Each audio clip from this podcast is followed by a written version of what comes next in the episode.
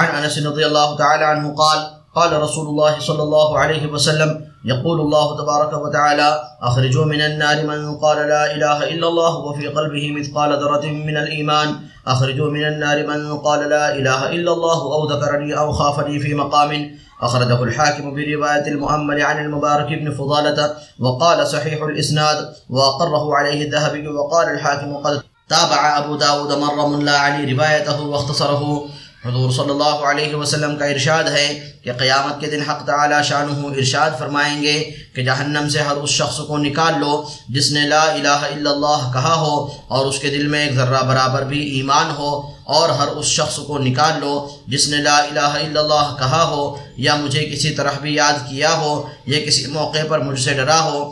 فائدہ، اس پاک کلمے میں حق تعالی شانہ نے کیا کیا برکات رکھی ہیں، اس کا معمولی سا اندازہ اتنی ہی بات سے ہو جاتا ہے کہ سو برس کا بوڑھا جس کی تمام عمر کفر و شرک میں گزری ہو، ایک مرتبہ اس پاک کلمے کو ایمان کے ساتھ پڑھنے سے مسلمان ہو جاتا ہے اور عمر بھر کے سارے گناہ زائل ہو جاتے ہیں۔ اور ایمان لانے کے بعد اگر گناہ بھی کیے ہوں، تب بھی اس کلمے کی برکت سے کسی نہ کسی وقت جہنم سے ضرور نکلے گا۔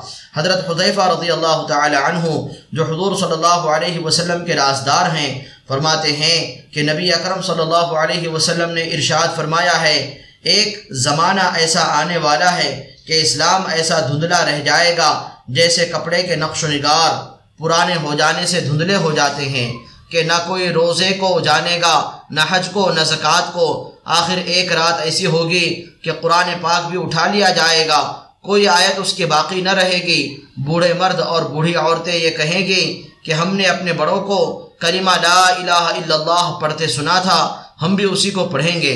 حضرت حضیفہ رضی اللہ تعالی عنہ کے ایک شاگرد نے عرض کیا کہ جب زکوٰۃ، حج، روزہ کوئی رکن نہ ہوگا تو یہ کلمہ ہی کیا کام دے گا؟ حضرت حضیفہ رضی اللہ عنہ نے سکوت فرمایا۔ انہوں نے پھر یہی عرض کیا۔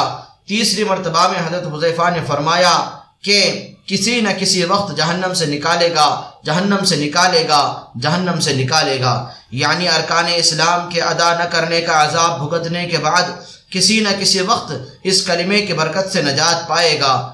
یہی مطلب ہے حدیث بالا کا کہ اگر ایمان کا ذرا سا حصہ بھی ہے، تب بھی جہنم سے کسی نہ کسی وقت نکالا جائے گا۔ ایک حدیث میں ہے، جو شخص لا الہ الا اللہ پڑھے، وہ اس کو کسی نہ کسی دن ضرور کام دے گا۔ گو اس کو کچھ نہ کچھ سزا بھگتنا پڑے۔